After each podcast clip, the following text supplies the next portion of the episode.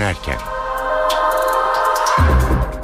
İyi akşamlar. Eve dönerken başlıyor. Ben Tayfun Ertan. Günün haberleri ve yorumlarıyla 19.30'a kadar birlikteyiz. Eve dönerken özetlerle başlıyor.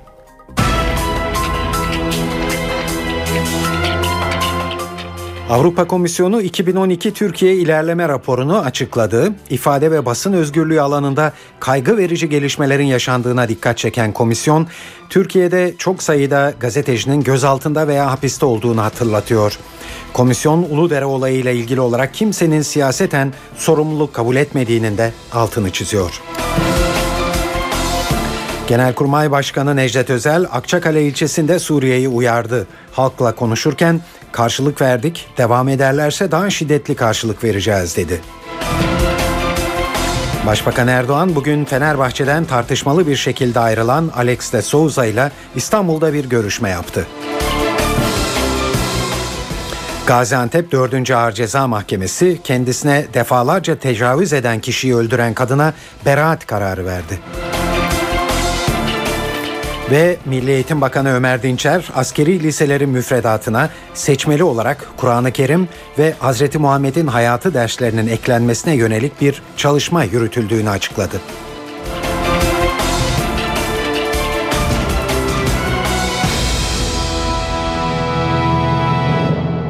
Şimdi bu haberlerin ayrıntılarına geçiyoruz.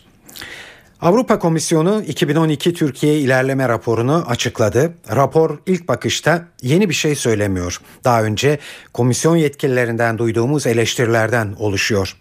Dikkat çekici olan yanı raporun diplomatik değil, dobra dobra bir dille kaleme alınmış olması. İfade ve basın özgürlüğü alanında kaygı verici gelişmelerin yaşandığına dikkat çeken komisyon, Türkiye'de çok sayıda gazetecinin gözaltında veya hapiste olduğunu vurguluyor. 34 kişinin yaşamını yitirdiği Uludere olayı da Türkiye'nin eleştirildiği konular arasında. Komisyon Uludere olayıyla ilgili olarak kimsenin siyaseten sorumluluk kabul etmediğinin altını çiziyor. Raporda yer alan diğer ayrıntılar için NTV Brüksel temsilcisi Güldener Sonumut'u dinliyoruz.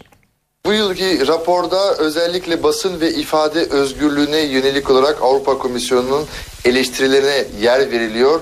Bu son derece dikkat çekici bir unsur. Yeni olan bir husus değil ancak 3 yıldan bu yana bu hususlarda Avrupa Komisyonu sessiz kalmayı tercih ederken bu sene sesini yükseltme kararı aldı. Özellikle e, Ergenekon ve Balyoz davaların esastan herhangi bir şekilde yorumlamıyor Avrupa Komisyonu. Bunun eğer bir darbe girişimi olduysa bunun mutlaka adalet karşısında sanıkların ifade vermesi ve ceza almaları gerektiğini söylüyor. Ancak özellikle sanıkların hakları konusunda çok büyük ihlallerin yaşandığına dikkat çekiliyor ve bunların bir an önce giderilmesini talep ediyor. Bir başka önemli unsur ise Cumhurbaşkanı Abdullah Gül'ün Türkiye Büyük Millet Meclisi'nde yapmış olduğu açılış konuşması başkanlık e, sistemine karşı olduğuna dikkat çeken Avrupa Komisyonu e, Cumhurbaşkanı Abdullah Gül'ün tüm siyasi partileri kucaklayan bir konuşma yaptığını ve burada da Avrupa Komisyonu da başkanlık sistemine pek sıcak bakmadığını dile getiriyor.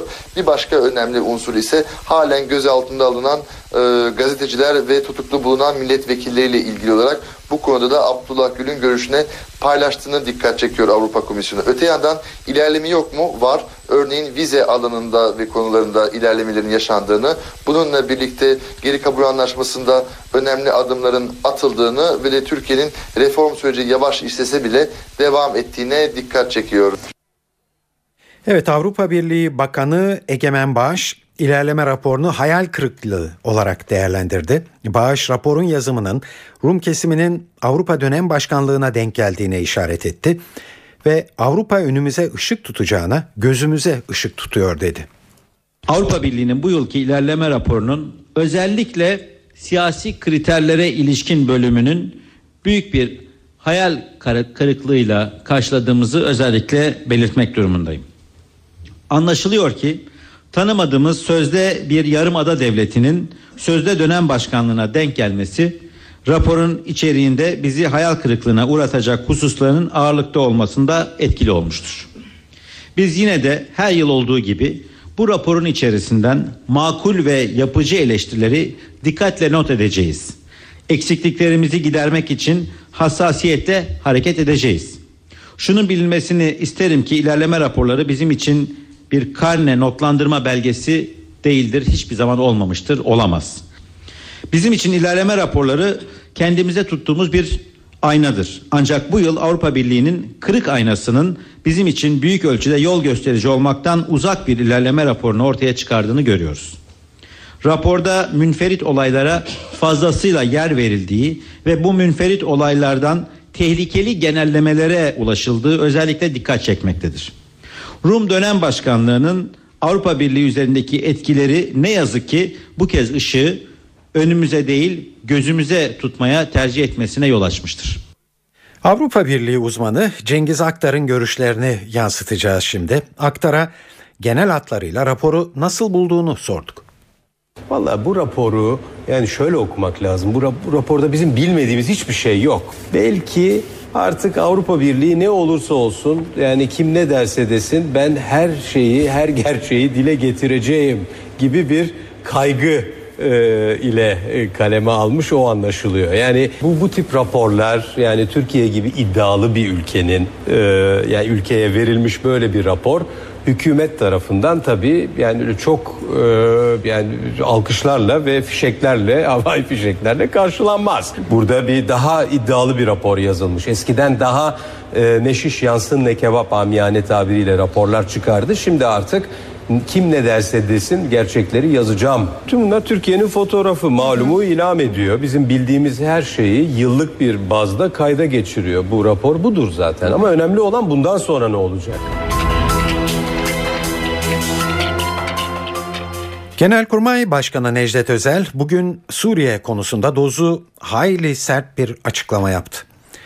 Genelkurmay Başkanı Özel sınırın sıfır noktasında daha bir hafta önce 5 kişinin öldüğü Akçakale ilçesindeydi. Suriye'yi uyardı. Halkla konuşurken de karşılık verdik devam ederlerse daha şiddetli karşılık vereceğiz dedi. Üç gündür Türkiye-Suriye sınırında incelemeler yapan Özel'in açıklamalarının içinde ne gibi şifreler barındığını yorumculara soracağız birazdan. Önce Akçakale'deki NTV muhabiri Can Ertuna'nın haberini dinliyoruz. Genelkurmay Başkanı'nın mesajlarından başlayalım ve bir e, not ekleyelim. Bu mesajlar basına yönelik bir açıklama değildi. Genelkurmay Başkanı Orgeneral Necdet Özel taziye çadırını ziyaret ettiğinde saldırıda hayatını kaybeden daha doğrusu düşen top mermisinin infilak sonucu hayatını kaybeden Ailenin babası hatırlanacağı üzere bir anne ve üç kızı hayatını kaybetmişti Timuçin ailesinden. O ailenin reisi Ömer Timuçin'le konuşurken mikrofonlarımız kameralarımızda kayıttaydı. Orgeneral Necdet Özel baba Timuçin'e e, öncelikle sağlık durumlarını sordu. Bir vatandaşı hepimizin acısı diye konuştu. Anında mukabele ettik. E, ciddi oranda zayiat da verdirdik dedi Genelkurmay Başkanı Orgeneral Necdet Özel devam ederlerse daha kötüsünü daha şiddetlisini yapacağız diye de ekledi. Kısaca Genelkurmay Başkanı'nın temaslarından da başlayalım. Hatırlanacağı üzere 3. gününde bugün Genelkurmay Başkanı bölgedeki temaslarında dün oldukça yoğun bir programı vardı. Hatay'da başlamıştı ardından Kilis Öncü Pınar'a gitmişti. Daha sonra yayın noktamız olan Şanlıurfa iline gelmişti. Burada bir diğer sınır bölgesi olan Suruç'a Mürşit Pınar ilçesine gitmiş. Oradaki Mürşit Pınar beldesindeki birlikleri denetlemişti. Tankların tatbikatını izlemişti. Akşamı Urfa'da geçirmişti. Sabahın erken saatlerinden itibaren de yine yayın noktamız olan Akçakale ilçesine sınırın sıfır noktasına geldi. Öncelikli olarak sınırda konuşlanmış, mevzilenmiş olan Türk askerini sıfır noktasındaki birlikleri denetledi. Ardından top mermisinin düştüğü evde kısa incelemelerde bulundu ve ardından da taziye çadırına gitti. İşte bu sırada aracına binerken ilçe merkezindeyken vatandaşların da Genelkurmay Başkanı'na ve beraberindeki komutanlarına komutanlara tezahüratları oldu. Bu noktada Necdet Özel de dimdik ayaktayız diyerek vatandaşlara kararlılık mesajı verdi. Hükümet Akçakale ilçesine Suriye'den top mermileri düşmeye başlaması ve 5 kişinin ilçe merkezinde hayatını kaybetmesi üzerine önce meclisten gerekli olduğu takdirde Suriye'ye müdahale etmek üzere tezkere almıştı. Şimdi de Suriye'ye karşı Necdet Özel'in ağzından hem de Akçakale ilçesinden sert bir uyarıda bulunmuş oluyor. Tezkereden bu yana izlenen siyaseti acaba nasıl yorumlamak lazım? Bu soruyu Radikal Gazetesi'nden Avni Özgürel'e sorduk. Tabii e, yani Türkiye kendisine yani topraklarına dönük e, bir takım e, saldırılar olduğunda bunlara kayıtsız kalamaz. Yani mutlaka karşılığında bir tavır sergilemek ihtiyacında. Özellikle Suriye tarafındaki ağır topçulara ellerinde konvansiyonel ufak silahlar bulunan insanların saldırılarına karşı değil doğrudan doğruya Suriye'nin e, kara kuvvetlerinin atışlarına karşı e, bir tavır geliştirmek, tepki göstermek ihtiyacında. O bakımdan Genelkurmay Başkanı'nın tavrı da Türkiye'nin silahlı tepkisi de gayet doğal, yerinde. E, buna söylenebilecek bir şey yok. Evet aslında hükümet e, sert bir tavır alarak bir yandan Suriye'ye diğer yandan da tabii iç kamuoyuna mesaj veriyor. İzlenen siyaseti Gazi Üniversitesi öğretim üyesi Hüseyin Yayman şöyle değerlendiriyor. Ben e, tezkerenin çıkmasının iki anlamı olduğunu düşünüyorum. Bir, e, Türkiye kamuoyuna, e, iç kamuoyuna yönelik bir mesajı, diğeri ise e, Suriye yönetimine e, iletilen mesajı. Esad rejimine e, karşı tezkerenin çıkartılmasının Türkiye'nin çok net bir biçimde savaşsa savaş bugün Sayın Genelkurmay Başkanlığı'nın açıklamasından da görüyoruz. Ben doğrusu bölgedeki olağanüstü gelişmelere, bölgedeki askeri hareketliliğe de bakıldığında Türkiye'nin gerekirse savaş kararı alabilecek kadar çok kararlı, çok net bir tutumunun olduğunu doğrusu görüyorum. Ee, iç kamuoyuna yönelik mesaja geldiğimizde ise iç kamuoyunda da şöyle bir e, eleştiri var idi hükümete karşı. Bütün bunlar olup bitiyor ve siz e, bombalar atılırken, insanlar hayatını kaybederken hiçbir şey yapmayacak mısınız şeklinde bir değerlendirme vardı. Yani hükümet bir yandan Esad rejimine karşı e, gerekirse biz savaşırız, savaş seçeneği de masadadır e, mesajını verdi. İç kamuoyuna da Türkiye'nin eli kolu bağlı değil. Türkiye gerekirse bütün seçenekleri masada alır ama Türkiye'nin birinci hedefi, birinci önceliği savaş kararı değil ve e, uluslararası toplumla hareket etme e, tavrının ben e, doğrusu değişmediğini düşünüyorum. Hatay'ın Hacıpaşa beldesinin hemen karşısındaki Suriye'nin Azmarin kasabasında şiddetli çatışmalar yaşanıyor. Bölgeden yoğun silah sesleri geliyor. Çatışmalarda yaralananlar Türkiye'ye getiriliyor. Ayrıntıları sınırın sıfır noktasında bulunan NTV muhabiri Gökhan Gerçek'ten alıyoruz. Azmarin kasabası oldukça önemli muhalifler açısından sınır hattının tamamı kontrol altına alınmak isteniyor. Türkiye-Suriye hattındaki tüm kasabalar, beldeler ve yerleşim merkezlerini askerden temizleme amacında e, muhalif askerler. Dün Derkuş bölgesi geçirilmişti. Azmarin kasabası oldukça kalabalık bir kasaba. 500 Esad askeri tarafından korunan bir kasabaydı bu. E, sabah saatlerinde muhalif askerlerin saldırısı başladı ve o saatten bu yana patlama sesleri, makineli tüfek sesleri, avan sesleri, uçak savar sesleri hiç eksik olmadı diyebiliriz. Oldukça şiddetli çatışmalar yaşanıyor. Hem muhalif askerler hem de ordu birliklerinden ağır kayıplar verildiği elimize ulaşan bilgiler arasında bunu gözlerimizle de görme imkanı bulduk. Zira dün e, Asi Nehri'nden getirilen yaralılar görmüştük. Bugün yaklaşık 60 muhalif asker sınırdan geçerek Hacıpaşa beldesine getirildi. Burada ilk e, müdahale yapıldıktan sonra yaralı Suriyeli muhalif askerler Hatay'ın çeşitli hastanelerinde tedavi altına alındı. Türkiye ile Suriye arasındaki sıcak gündemin geri planda tuttuğu bir başka dram daha yaşanıyor aslında sınırda. Türkiye-Suriye sınırında çatışma sürdükçe Suriye'den kaçış da devam ediyor.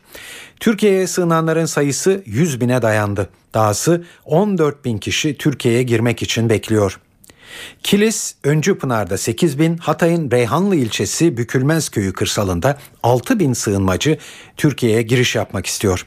Salgın hastalık tehdidi, susuzluk ve yaklaşan kış Suriyelileri endişelendirmekte. Günlerdir burada sefil perişan halde bekliyoruz. İki gün içinde akrepler üç kişiyi soktu. Bizim sesimizi duyan yok mu? Halimizi gören yok mu? Nerede Birleşmiş Milletler? Nerede insan hakları? Ben altı çocuğumla Cizir Şuur bölgesinden geldim. Altı gündür buradayız. Ekmek yok, su yok. Çocuklar hastalandı. Akreplerden korkuyoruz. Bombalardan kaçtık. Toz toprak içindeyiz. Kızılay sınırın diğer tarafında bekleyen 14 bin Suriyeliye insani yardım yapıyor. Sınırda güvenlik önlemleri de arttırılmış durumda. Türkiye'ye sığınmak isteyen Suriyeliler 50'şer kişilik gruplar halinde Türkiye'ye alınmakta. Saat 18.15 NTV Radyo'da eve dönerken haberlere İstanbul'daki yol durumuyla devam ediyoruz. Büyükşehir Belediyesi Trafik Kontrol Merkezi'nden Murat Kazan Asması dinliyoruz. Mutlu akşamlar. Trafik yoğunluğu Kemerburgaz'da Fatih Sultan Mehmet Köprüsü yönünde etkili olmaya başladı. Yine hastal trafiği ve sonrasında köprü girişi ve köprü üzerinde yoğunluğun fazlasıyla devam ettiğini söyleyebiliriz. Aynı şekilde Boğaziçi Köprüsü'nde de şu anda Çağlayan trafiği ve sonrasındaki yoğunluk başladı. Ama öncesinde Ok Meydanı trafiği ve Haliç Köprüsü'ne baktığımızda yoğunluğun bu güzergahta fazla etkili olmadığını görüyoruz. Haliç'te Topkapı yönünde yoğunluk var. Aynı şekilde Cevizli Bağ'da Merter istikametine trafik durmaya başladı. Ambarlar Haliç kesimlere doğru ve aynı şekilde Merter kesimlerde ciddi bir trafik yükü var şu anda. Anadolu yakasında Boğaziçi Köprüsü'nde yoğunluk Altunizade'nin öncesinde neredeyse Çamlıca'dan Kızıl Toprağa kadar uzamış vaziyette Fatih Sultan Mehmet Köprüsü'nde Ümraniye trafiğinin yoğunluğu henüz etkili değil ama Ataşehir Ümraniye arası yoğun bir trafik var. Kabacağa baktığımızda köprü girişindeki hareketlilik devam ediyor. Temde Ali Mahmut Bey'e bağlantı yönünde yoğunluk henüz etkili olmadı. İstoç'a baktığımızda iki önde de yoğunluk vardı. Şu anda Mahmut Bey Gişeler istikametindeki yoğunluk devam ediyor. Avcılar'da Küçükçekmece istikameti, Küçükçekmece'de Avcılar istikametinde trafik yoğunluklar yaşanıyor. İyi akşamlar. Başbakan Erdoğan bugün Fenerbahçe'den tartışmalı bir şekilde ayrılan Alex de Souza ile İstanbul'da bir görüşme yaptı. Erdoğan'ın Alex'e Kasımpaşa'da oynamasını önerdiği Alex'in ise buna sıcak bakmadığı anlaşılıyor. Erdoğan'ın cuma günü Alex'i İstanbul'dan ayrılırken geçirmek istediği de söylenmekte. Bu ziyaretin ayrıntılarını NTV Spor muhabiri Deniz Tüysüz anlatıyor.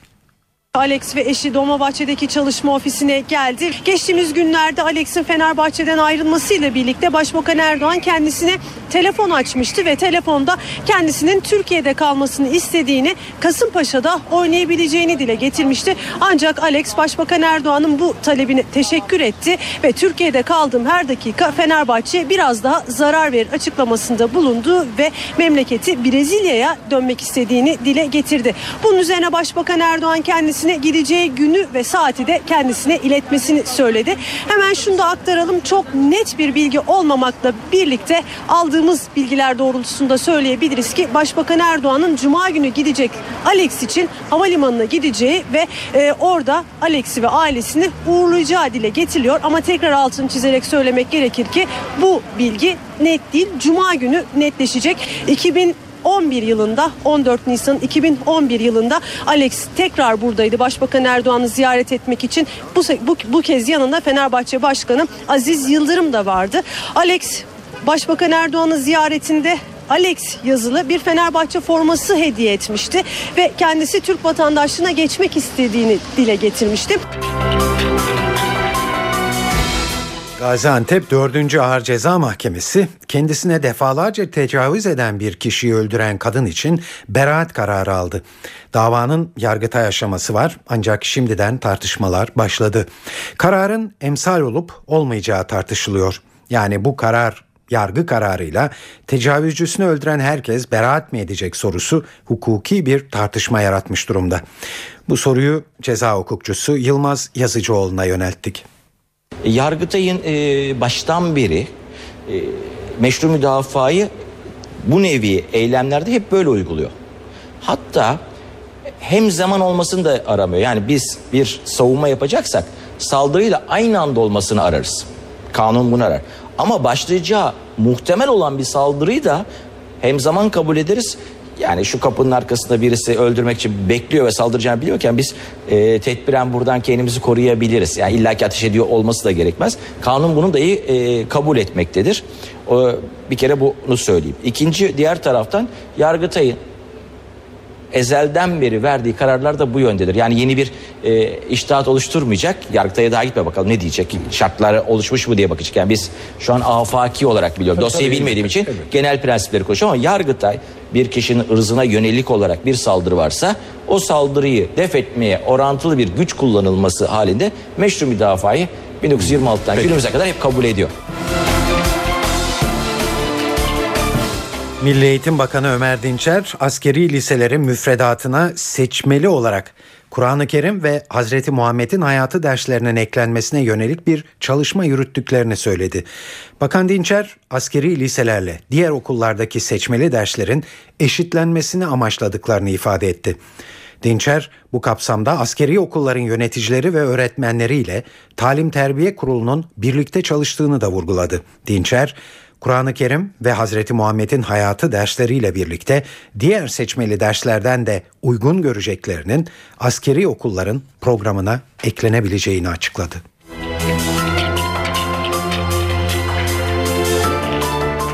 AKP seçilme yaşının 18'e indirilmesi için mecliste destek turuna, turuna çıkıyor. AKP kurmayları CHP ve MHP'den randevu istemeye hazırlanıyor. CHP seçilme yaşının 18'e indirilmesine destek vereceğini duyurmuştu. MHP ise Genel Başkan Devlet Bahçeli'nin ifadesiyle seçilme yaşının 18'e indirilmesine soğuk ve mesafeli duruyor.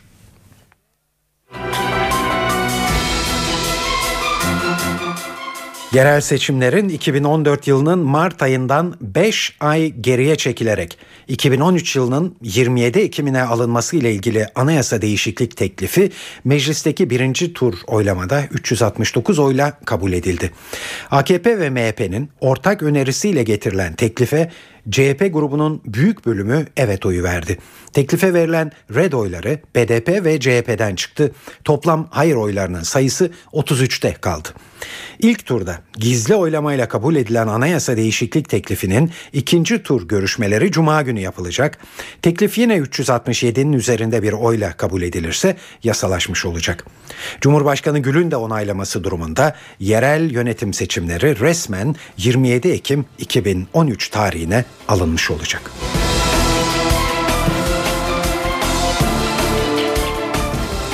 Cumhuriyet Halk Partisi Ardahan Milletvekili Ensar Öğüt, Doğu ve Güneydoğu'da görev yapan askerlerin 3 ay erken terhis edilmelerini düzenleyen bir kanun teklifi hazırladı. Öğüt'ün meclis başkanlığına sunduğu teklifte bölgede görev yapan er ve erbaşların psikolojilerinin terör olayları nedeniyle bozulduğu belirtiliyor. Öğüt, bölgenin zor koşulları ve asker ailelerinin psikolojilerinin de dikkate alınması gerektiğini vurguladı. Teklifte Doğu ve Güneydoğu Anadolu bölgelerinde askerlik yapan er ve erbaşların şark görevinde sayılmaları gerektiği ifade edildi ve bu askerlerin 3 ay erken terhis edilmesi gerektiği belirtildi.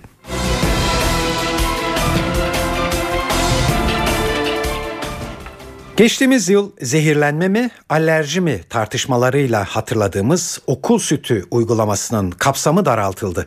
Ana sınıfı ve ilkokul öğrencilerine ücretsiz süt dağıtımı bu yıl yalnızca ikinci dönem süresince ve haftada 3 gün olarak yapılacak. Bakanlar Kurulu'nun kararına göre okul sütünün tedariki ve dağıtımından Gıda, Tarım ve Hayvancılık Bakanlığı, sütün korunması, dağıtılması ve tüketiminden Milli Eğitim Bakanlığı, tüketim sonrası etkilerindense Sağlık Bakanlığı sorumlu olacak. Aile hekimleri, öğretmenler veya veliler tarafından süte karşı duyarlılığı tespit edilen öğrencilere süt verilmeyecek.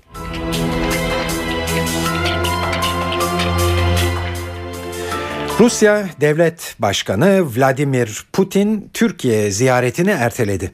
Putin, Türkiye-Rusya Stratejik İşbirliği toplantısı için 14 ve 15 Ekim'de İstanbul'da olacaktı. Ancak ziyaret Rusya tarafının isteğiyle ertelendi ve gerekçe olarak Putin'in programının yoğun olması gösterildi. Putin'in Türkiye ziyaretini ertelemesi Türkiye'ye yönelik bir tepki mi sorusunu ilk anda akıllara getiriyor tabi. Geçtiğimiz haftadan bu yana Türkiye'nin Suriye'den yönelen saldırılara anında askeri karşılık vermesi bu soruya dayanak oluşturmakta bir nevi.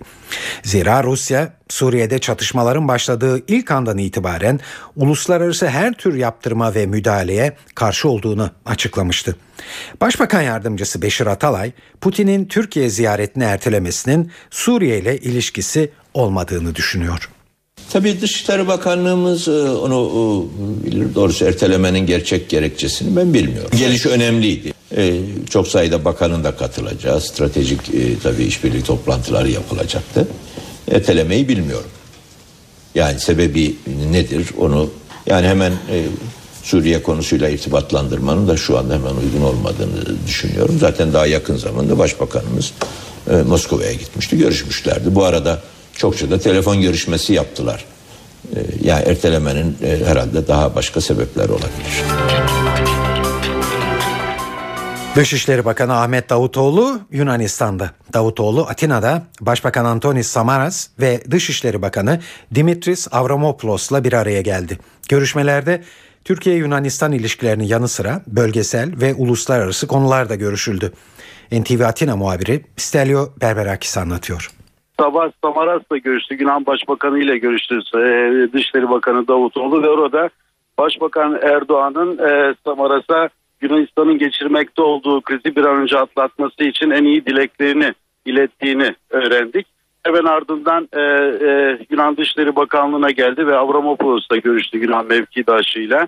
Hatta şunu söyleyebilirim bir not olarak bir saatlik e, bir görüşme öngörülüyordu. Fakat bu üç buçuk saate sarkınca gazetecilerden soru alamadılar çünkü vakit yoktu.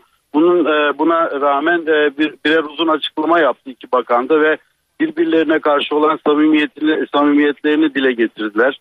E, ortak vizyonlar olduğunu söylediler. Ege konusunda Kıbrıs konusunda bazı anlaşmazlıklar olmasına rağmen bunları ortak vizyonlarıyla zaman içinde çözebileceklerini e, dile getirdiler. Ayrıca ve en önemlisi bence Yüksek Düzey İşbirliği Konseyi'nin e, yani ikincisinin e, Ankara'da Ocak ya da Şubat ayında yapılmasına da karar verildiğini fakat o zamana kadar bakanların birbirlerinin ülkelerini ziyaret edip e, bu ortak vizyon e, yolundaki e, düşüncelerinin e, tamamlanmasının da beklendiğini söylediler. E, azınlıklara değindiler. E, Balkanlarda işbirliği, turizm alanında işbirliği, ulaşım konularında da e, aynı vizyona sahip olduklarından e, iki ülke halkının e, birbirine e, daha da yakınlaştıracak ve iki ülke ilişkilerinin e, daha normale dönüştürülmesi için de e, ortak kararları olduğunu ve burada da kararlı olduklarını söyledi. E, e, Dışişleri Bakanı Davutoğlu Yunanistan'ın gerek Suriye ile Türkiye arasındaki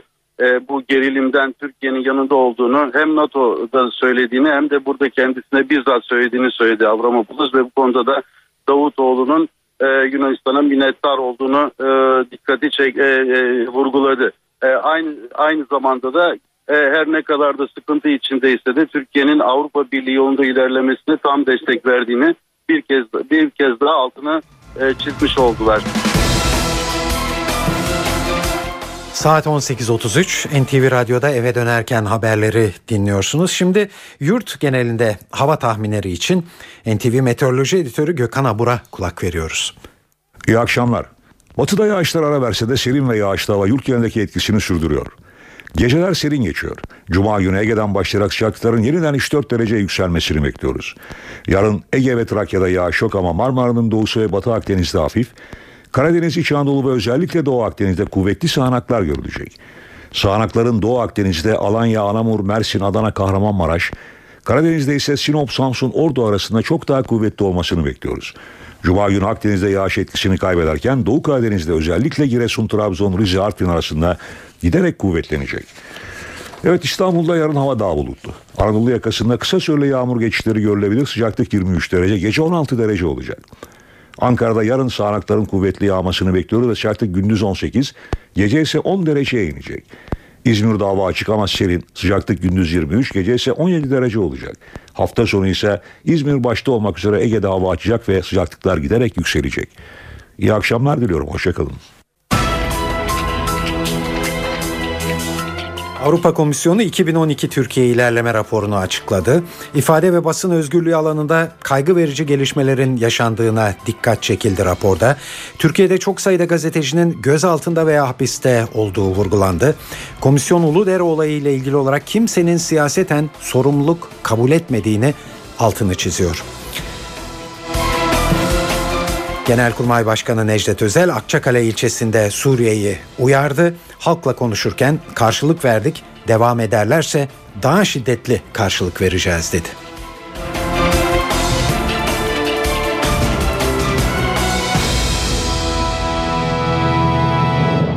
Şimdi dünyada en çok konuşulan haberlerle devam ediyoruz. Mısırlılar bundan bir yıl önce onlarca Kıpti'nin öldüğü gösteriyi unutmuyor. Geçen yıl ordunun müdahalesi üzerine 27 Kıpti'nin öldüğü gösteri bugün yine bir gösteriyle anıldı. Müslüman Hristiyan binlerce Mısırlı sokağa döküldü. Müslüman ve Hristiyan din adamlarının da destek verdiği gösteride suçluların adalet önüne çıkarılması çağrısı yapıldı. We need justice. We're not gonna as long as we don't get justice. Adalet istiyoruz. Adalet yerini bulmadığı sürece bu devrim yarım kalacak. Bu suç işleyenlere ceza verilmezse 30 yılda geçse yine aynı şey olur. Zaten devrimi de bunu engellemek için yaptık. Geçtiğimiz yıl Kahire'nin Maspero bölgesinde kiliseye yönelik saldırıları protesto eden Kıpti göstericilere ordu müdahale etmişti. Çıkan çatışmada çoğu Kıpti olmak üzere 27 gösterici ölmüştü. Olay mübareğin devrilmesiyle görevi üstlenen ordunun 17 aylık yönetimi boyunca Kıptilere yönelik en şiddetli saldırı olarak kayıtlara geçmişti.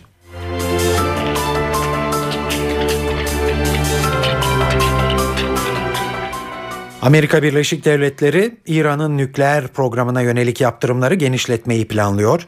Olası yaptırımlar arasında İran'ın doğal gaz ihracatına sınırlama getirilmesi de var.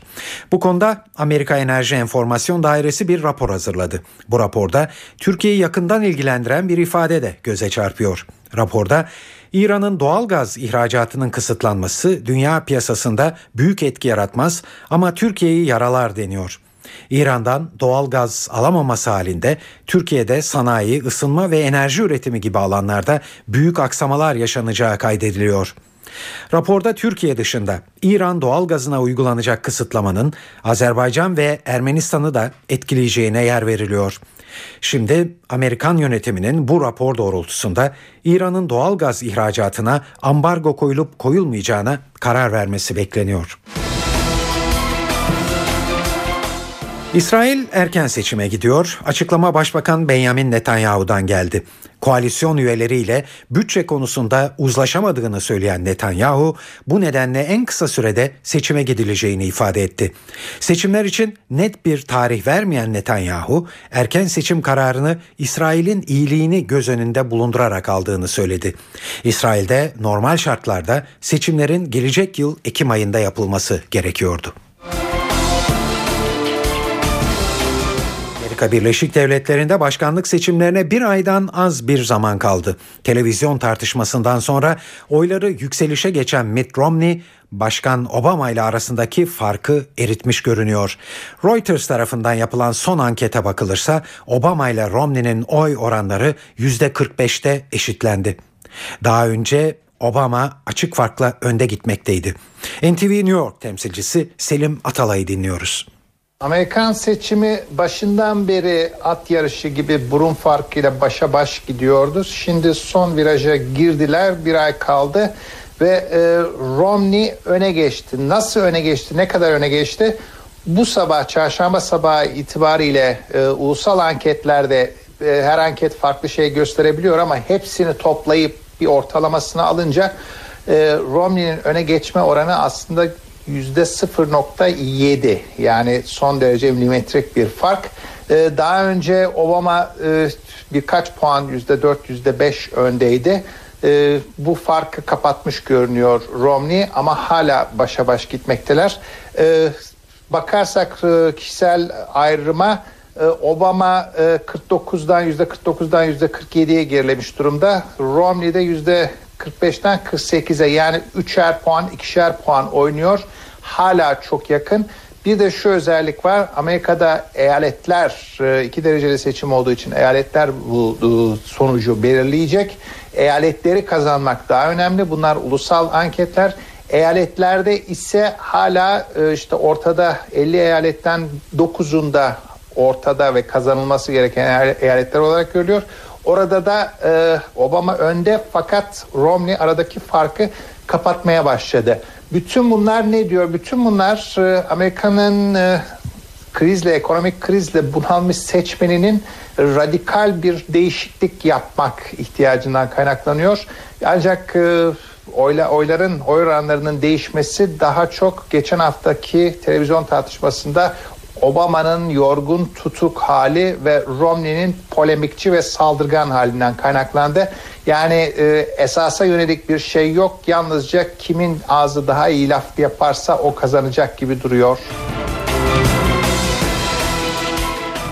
İtalyan hükümeti mafyanın önüne geçmek için dikkat çekici bir karara imza attı. Ülkenin güneyindeki Reggio Calabria kentinde mafyanın yerel yönetime sızmasını önlemek için mevcut yönetim görevden azledildi.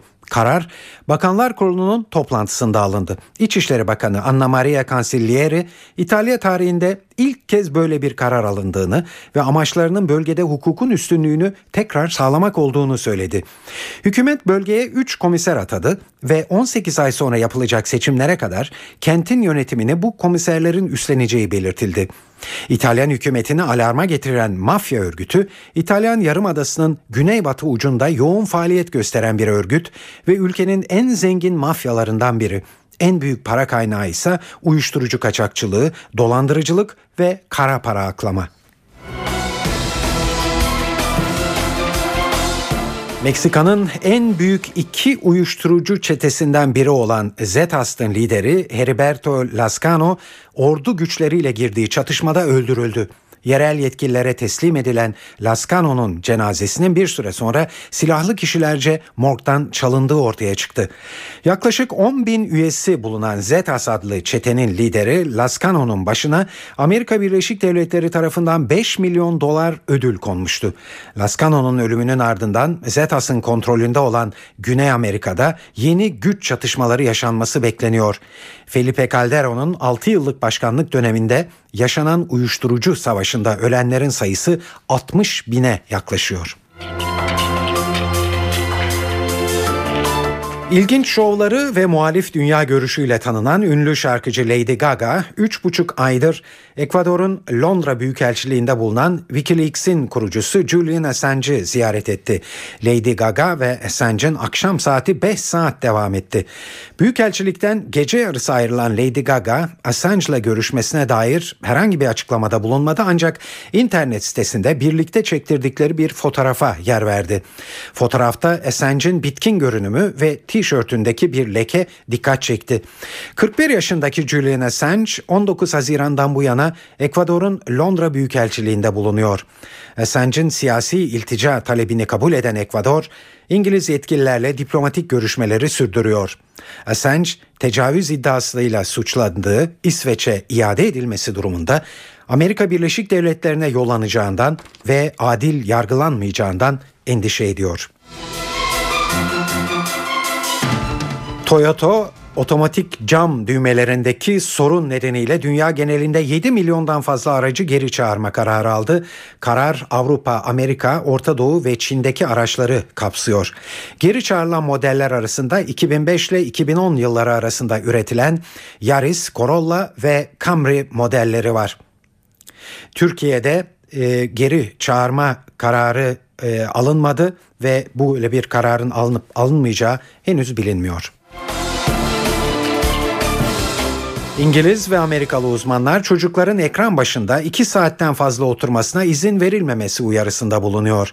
Bazı çocukların 7 yaşına gelmeden ekran bağımlısı olduğu ve bu bağımlılığın ileride depresyona yol açtığı ortaya kondu. Uzmanların ekran uyarısı yalnızca televizyonla sınırlı değil. Çocukların kullanabildiği bilgisayar, tablet, akıllı telefon ve okul oyun konsolları gibi farklı ekranlar da yine kara listede. Ekran karşısında vakit geçirirken azalan dopamin hormonunun konsantrasyon bozukluğuna neden olduğuna da dikkat çekilmekte. Uzmanlar uzun süre ekran karşısında kalan çocukların ileri yaşlarda kalp hastalıkları, inme ve diyabet gibi risklerle karşı karşıya kalacağını da belirtiyorlar.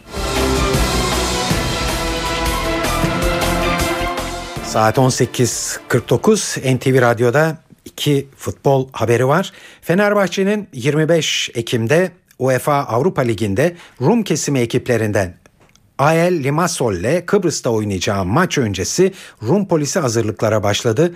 Güney Lefkoşa'da yapılacak maçta büyük kısmı çevik kuvvet olmak üzere 300 Rum polisinin görev yapacağı ifade edildi. Evet bu hazırlıkların ayrıntılarını NTV Lefkoşa temsilcisi Selim Sayar anlatıyor. AEL Fenerbahçe Avrupa Kupası maçına gelecek Türk taraftarlar için 1200 bilet ayrıldı. Ancak Rumlarla bir arada oturacak Türk taraftarlarla birlikte bu sayının 3-4 bin kişiyi bulacağı tahmin ediliyor.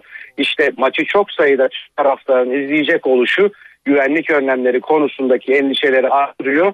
Türkiye'nin ve UEFA'nın uyarılarını dikkate alan Rum polisi özel eğitilmiş 300 çevik birlik polisini statta görevlendirecek.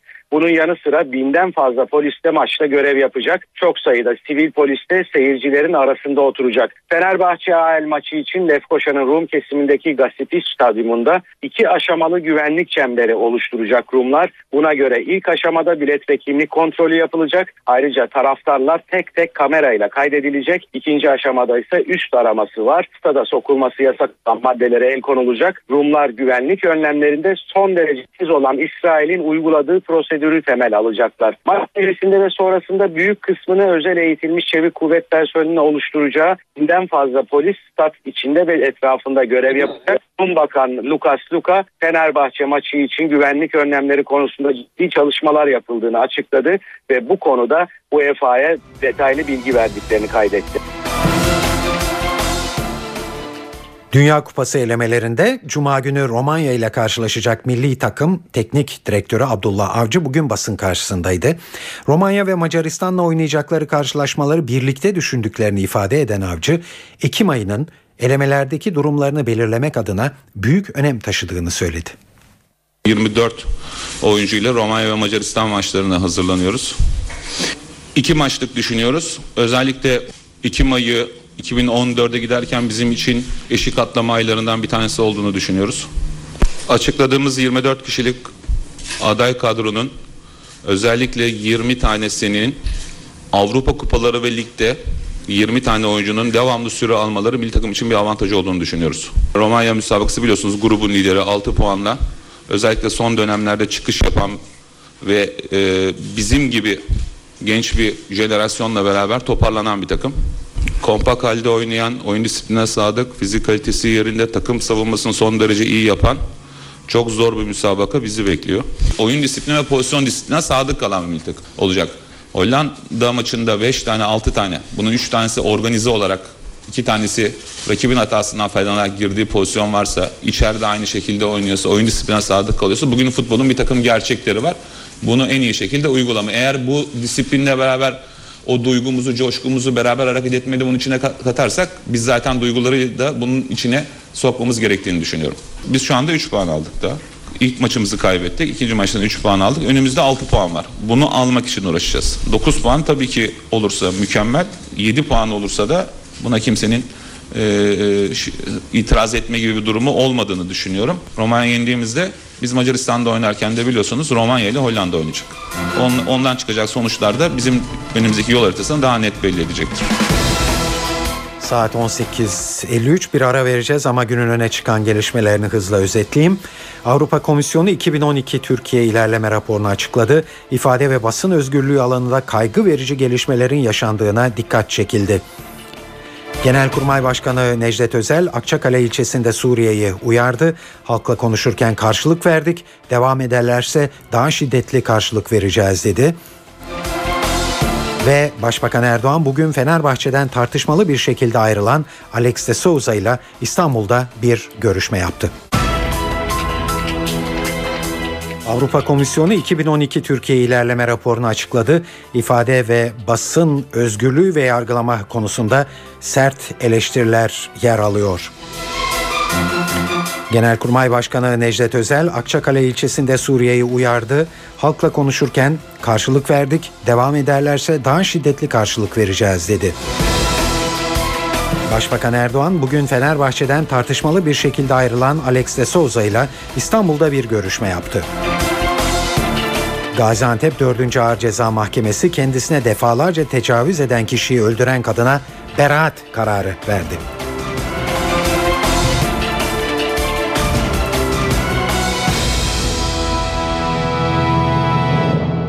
İyi akşamlar. Avrupa Komisyonu 2012 Türkiye ilerleme raporunu açıkladı. Rapor ilk bakışta yeni bir şey söylemiyor daha önce komisyon yetkililerinden duyulan eleştirilerden oluşuyor. İfade ve basın özgürlüğü alanında kaygı verici gelişmelerin yaşandığına dikkat çekiliyor. Türkiye'de çok sayıda gazetecinin gözaltında veya hapiste olduğuna vurgu yapılıyor. 34 kişinin yaşamını yitirdiği Uludere olayı da Türkiye'nin eleştirildiği konular arasında. Komisyon Uludere olayı ile ilgili olarak kimsenin siyaseten sorumluluk kabul etmediğini özellikle vurguluyor. Raporda yer alan ayrıntılar için NTV Brüksel temsilcisi Güldener Sonumut'u dinliyoruz. Bu yılki raporda özellikle basın ve ifade özgürlüğüne yönelik olarak Avrupa Komisyonu'nun eleştirilerine yer veriliyor. Bu son derece dikkat çekici bir unsur. Yeni olan bir husus değil ancak 3 yıldan bu yana bu hususlarda Avrupa Komisyonu sessiz kalmayı tercih ederken bu sene sesini yükseltme kararı aldı. Özellikle e, Ergenekon ve Balyoz davaların esastan herhangi bir şekilde yorumlamıyor Avrupa Komisyonu.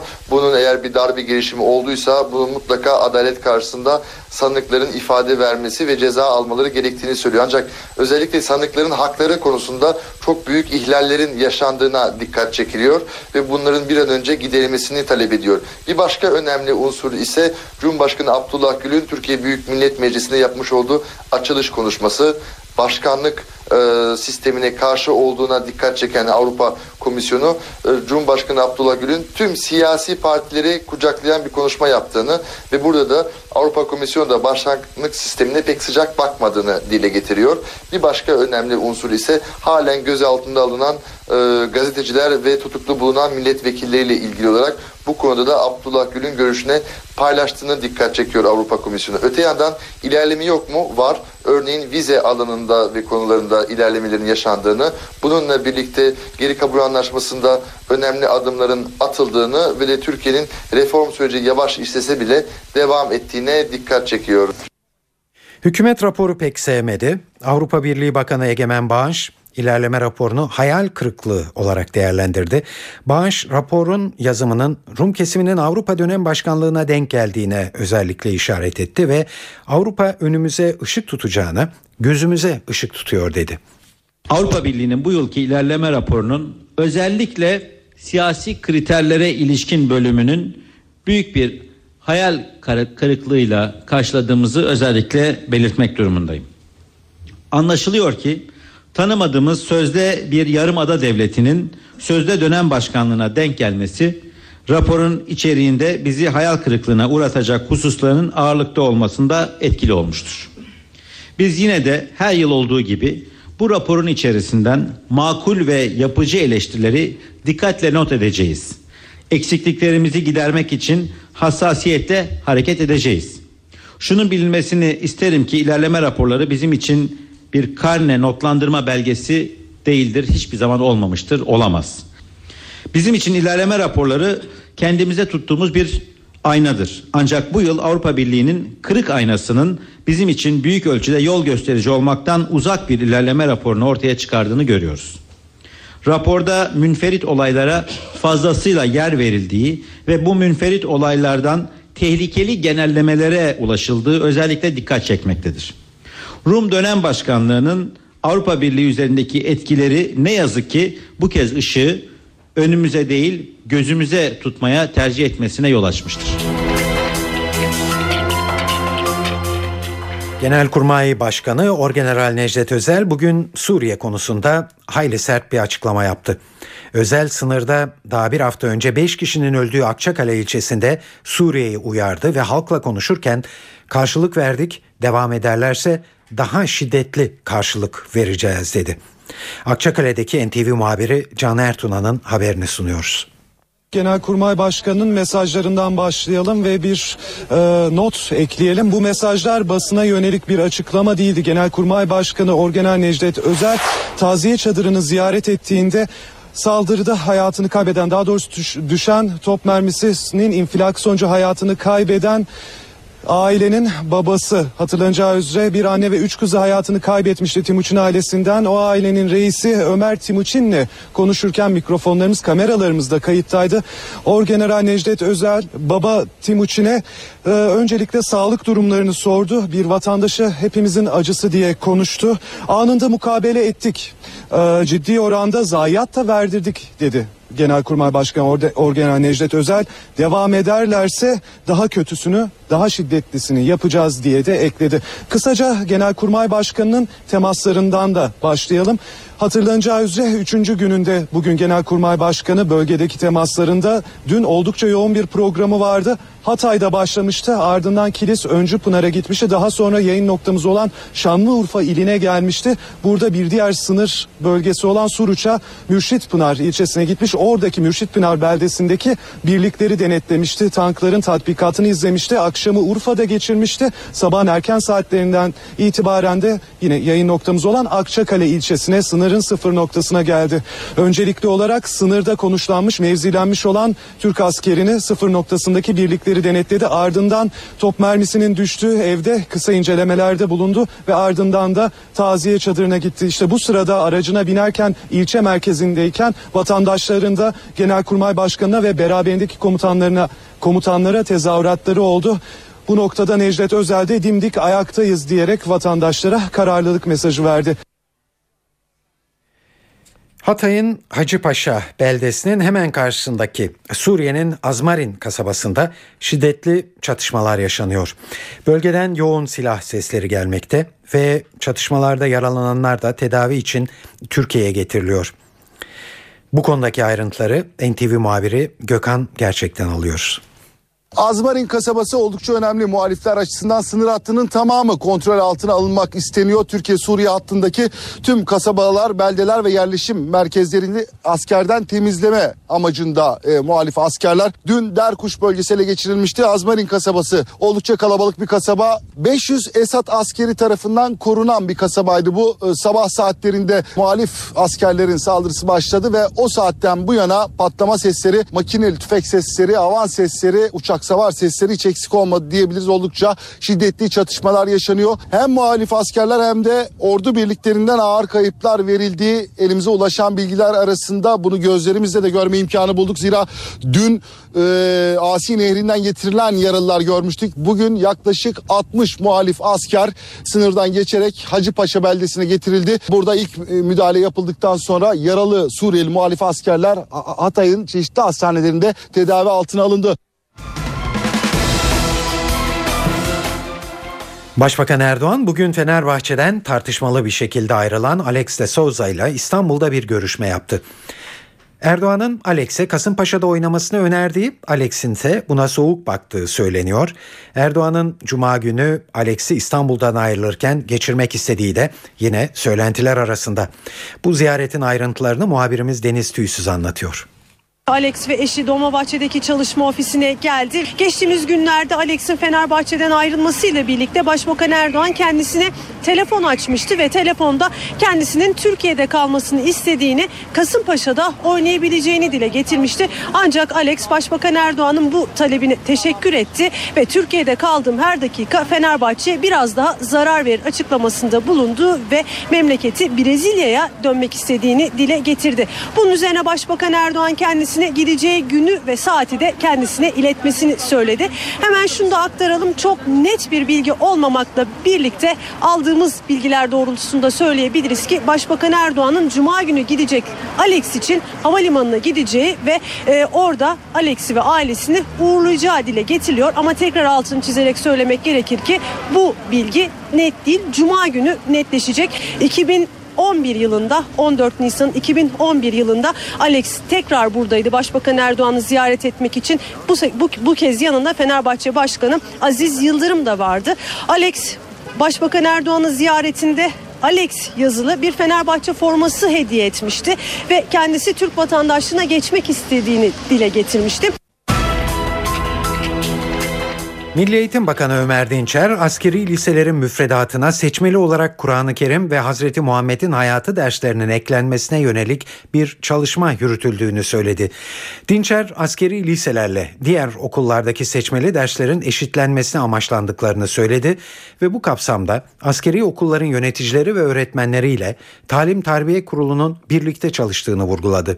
Dinçer, Kur'an-ı Kerim ve Hazreti Muhammed'in hayatı dersleriyle birlikte diğer seçmeli derslerden de uygun göreceklerinin askeri okulların programına eklenebileceğini söyledi. Gaziantep 4. Ağır Ceza Mahkemesi kendisine defalarca tecavüz eden bir kişiyi öldüren kadın için beraat kararı verdi. Davanın yargıtay aşaması var. Ancak şimdiden tartışma başladı. Kararı ceza hukukçusu Yılmaz Yazıcıoğlu şöyle değerlendirdi. Yargıtay'ın e, baştan beri e, meşru müdafayı bu nevi eylemlerde hep böyle uyguluyor. Hatta hem zaman olmasını da aramıyor. Yani biz bir savunma yapacaksak saldırıyla aynı anda olmasını ararız. Kanun bunu arar. Ama başlayacağı muhtemel olan bir saldırıyı da hem zaman kabul ederiz. Yani şu kapının arkasında birisi öldürmek için bekliyor ve saldıracağını biliyorken biz e, tedbiren buradan kendimizi koruyabiliriz. Yani illaki ateş ediyor olması da gerekmez. Kanun bunu dahi e, kabul etmektedir. O, bir kere bunu söyleyeyim. İkinci diğer taraftan Yargıtay'ın ezelden beri verdiği kararlar da bu yöndedir. Yani yeni bir e, iştahat oluşturmayacak. Yargıtay'a daha gitme bakalım ne diyecek? Şartlar oluşmuş mu diye bakacak. Yani biz şu an afaki olarak biliyorum. Tabii, Dosyayı tabii. bilmediğim için Tabii. genel prensipleri konuşuyorum ama Yargıtay bir kişinin ırzına yönelik olarak bir saldırı varsa o saldırıyı def etmeye orantılı bir güç kullanılması halinde meşru müdafayı 1926'dan Peki. günümüze kadar hep kabul ediyor. CHP Ardahan Milletvekili Ensar Öğüt, Doğu ve Güneydoğu'da görev yapan askerlerin 3 ay erken terhis edilmelerini düzenleyen bir kanun teklifi hazırladı. Öğüt'ün meclis başkanlığına sunduğu teklifte bölgede görev yapan er ve erbaşların psikolojilerinin terör olayları nedeniyle bozulduğu belirtildi. Öğüt, bölgenin zor koşulları ve asker ailelerinin psikolojilerinin de dikkate alınması gerektiğini vurguladı. Teklifte Doğu ve Güneydoğu Anadolu bölgelerinde askerlik yapan er ve erbaşların şark görevinde sayılmaları gerektiği ifade edildi ve bu askerlerin 3 ay erken terhis edilmeleri gerektiği belirtildi. Şimdi para ve sermaye piyasalarında yaşanan gelişmelerle devam edeceğiz. Bugünkü gelişmeleri CNBC'den Enis Şener'den anlatıyor. İyi akşamlar. Küresel piyasalarda satış baskısı devam ediyor. IMF'nin küresel büyüme beklentilerini düşürmesiyle birlikte durgunluk kaygıları tekrar arttı. Avrupa'nın sorunlu ülkeleri İspanya ve Yunanistan konusunda belirsizliklerin devam etmesi de borsaları baskılıyor. İMKB'de ise çok daha iyi bir görüntü var. Borsa bugün %0.58 yükselişle 68.500 seviyesinin hemen altında kapandı. Gün içinde ise 68.600 ile yılın en yüksek seviyesine çıktı. İMKB'de olumlu ayrışmanın en önemli nedeni ise kredi derecelendirme kuruluşu Fitch'ten gelen açıklamalar oldu. Fitch, Türkiye ile ilgili değerlendirmesini çok yakında açıklayacağını belirtti ve bu açıklama piyasada not artırımı yaklaştı olarak yorumlandı. Para piyasalarında ise Euro üzerindeki baskı devam etti. Euro dolar paritesi 1.29 seviyesinin altına geriledi. Dolar TL tarafında ise iyi bir görüntü vardı. Kur günü 1.8150 seviyesinden tamamladı. Tahvil piyasası ise görece yataydı. Gösterge tahvilin faizi günü 7.60 seviyesinin üzerinde tamamladı.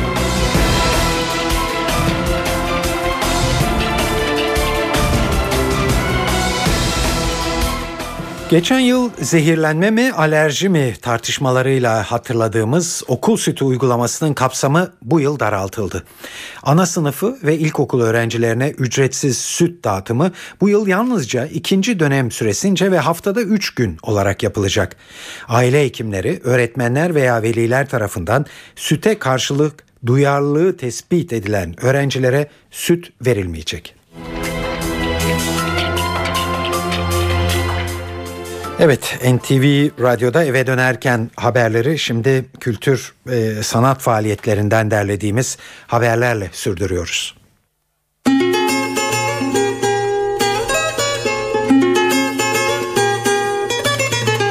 22. Akbank Jazz Festivali sürüyor. Usta müzisyen Erkan Oğur da Anatolian Blues projesiyle festivale konuk oluyor. Caddebostan Kültür Merkezi'ndeki konser saat 20.30'da başlayacak.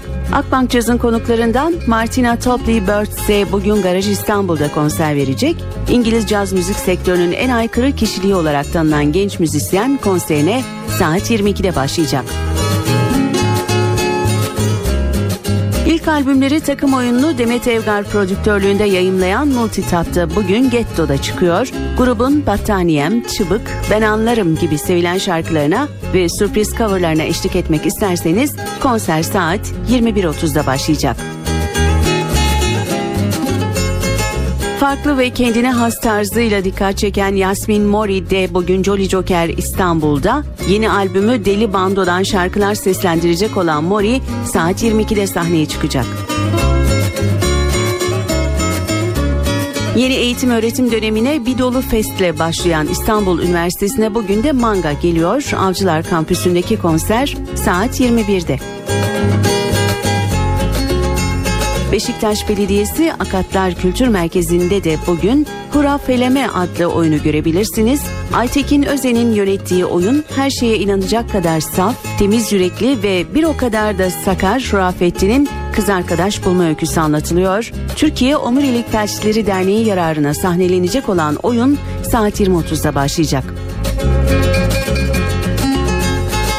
Yiğit Sertdemir'in yazıp Tolga Yeter'in yönettiği Medeniyet Tiyatrosu adlı oyunda bugün Tiyatro Karnaval, Gönül Ülkü ve Gazanfer Özcan sahnesinde oyunda taş devrinden günümüze oynanan oyunlarla tiyatronun evrimi sergileniyor. Oyunun başlama saati 20.30. İstanbul dışındaki etkinliklere bakalım. Bu yıl Doğu Batı ile buluşuyor başlığı altında düzenlenen Uluslararası Şefika Kutler Festivali Ankara'da devam ediyor. Festival kapsamında bugün Kazakistan Oda Orkestrası konser veriyor. Doğu ile Batı kültürlerinin sentezini sunacak olan orkestra saat 20'den itibaren Resim Heykel Müzesi'nde olacak. Klarnetçi Hüsnü Şenlendirici, bağlamacı İsmail Tunçbilek ve kanuncu Aytaç Doğan Taksim Trio projesini bugün Ankara'ya taşıyor. Jolly Joker Ankara adlı mekandaki konser saat 21'de. Berlin Gençlik Senfoni Orkestrası bugün de İzmir'de repertuarında başta çağdaş besteciler olmak üzere uluslararası birçok bestecinin eserlerini bulunduran orkestranın şefliğini Gürer Aykal yapacak. Ahmet Adnan Saygun Sanat Merkezi'ndeki konser saat 20'de.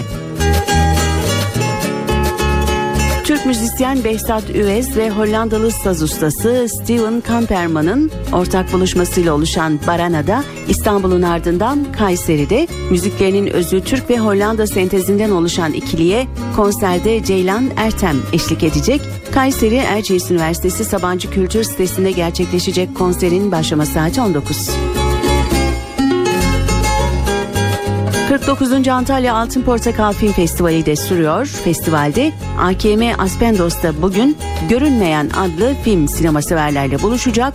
Ali Özgen Türk'ün yönetmenliğini üstlendiği film saat 20.30'da başlayacak.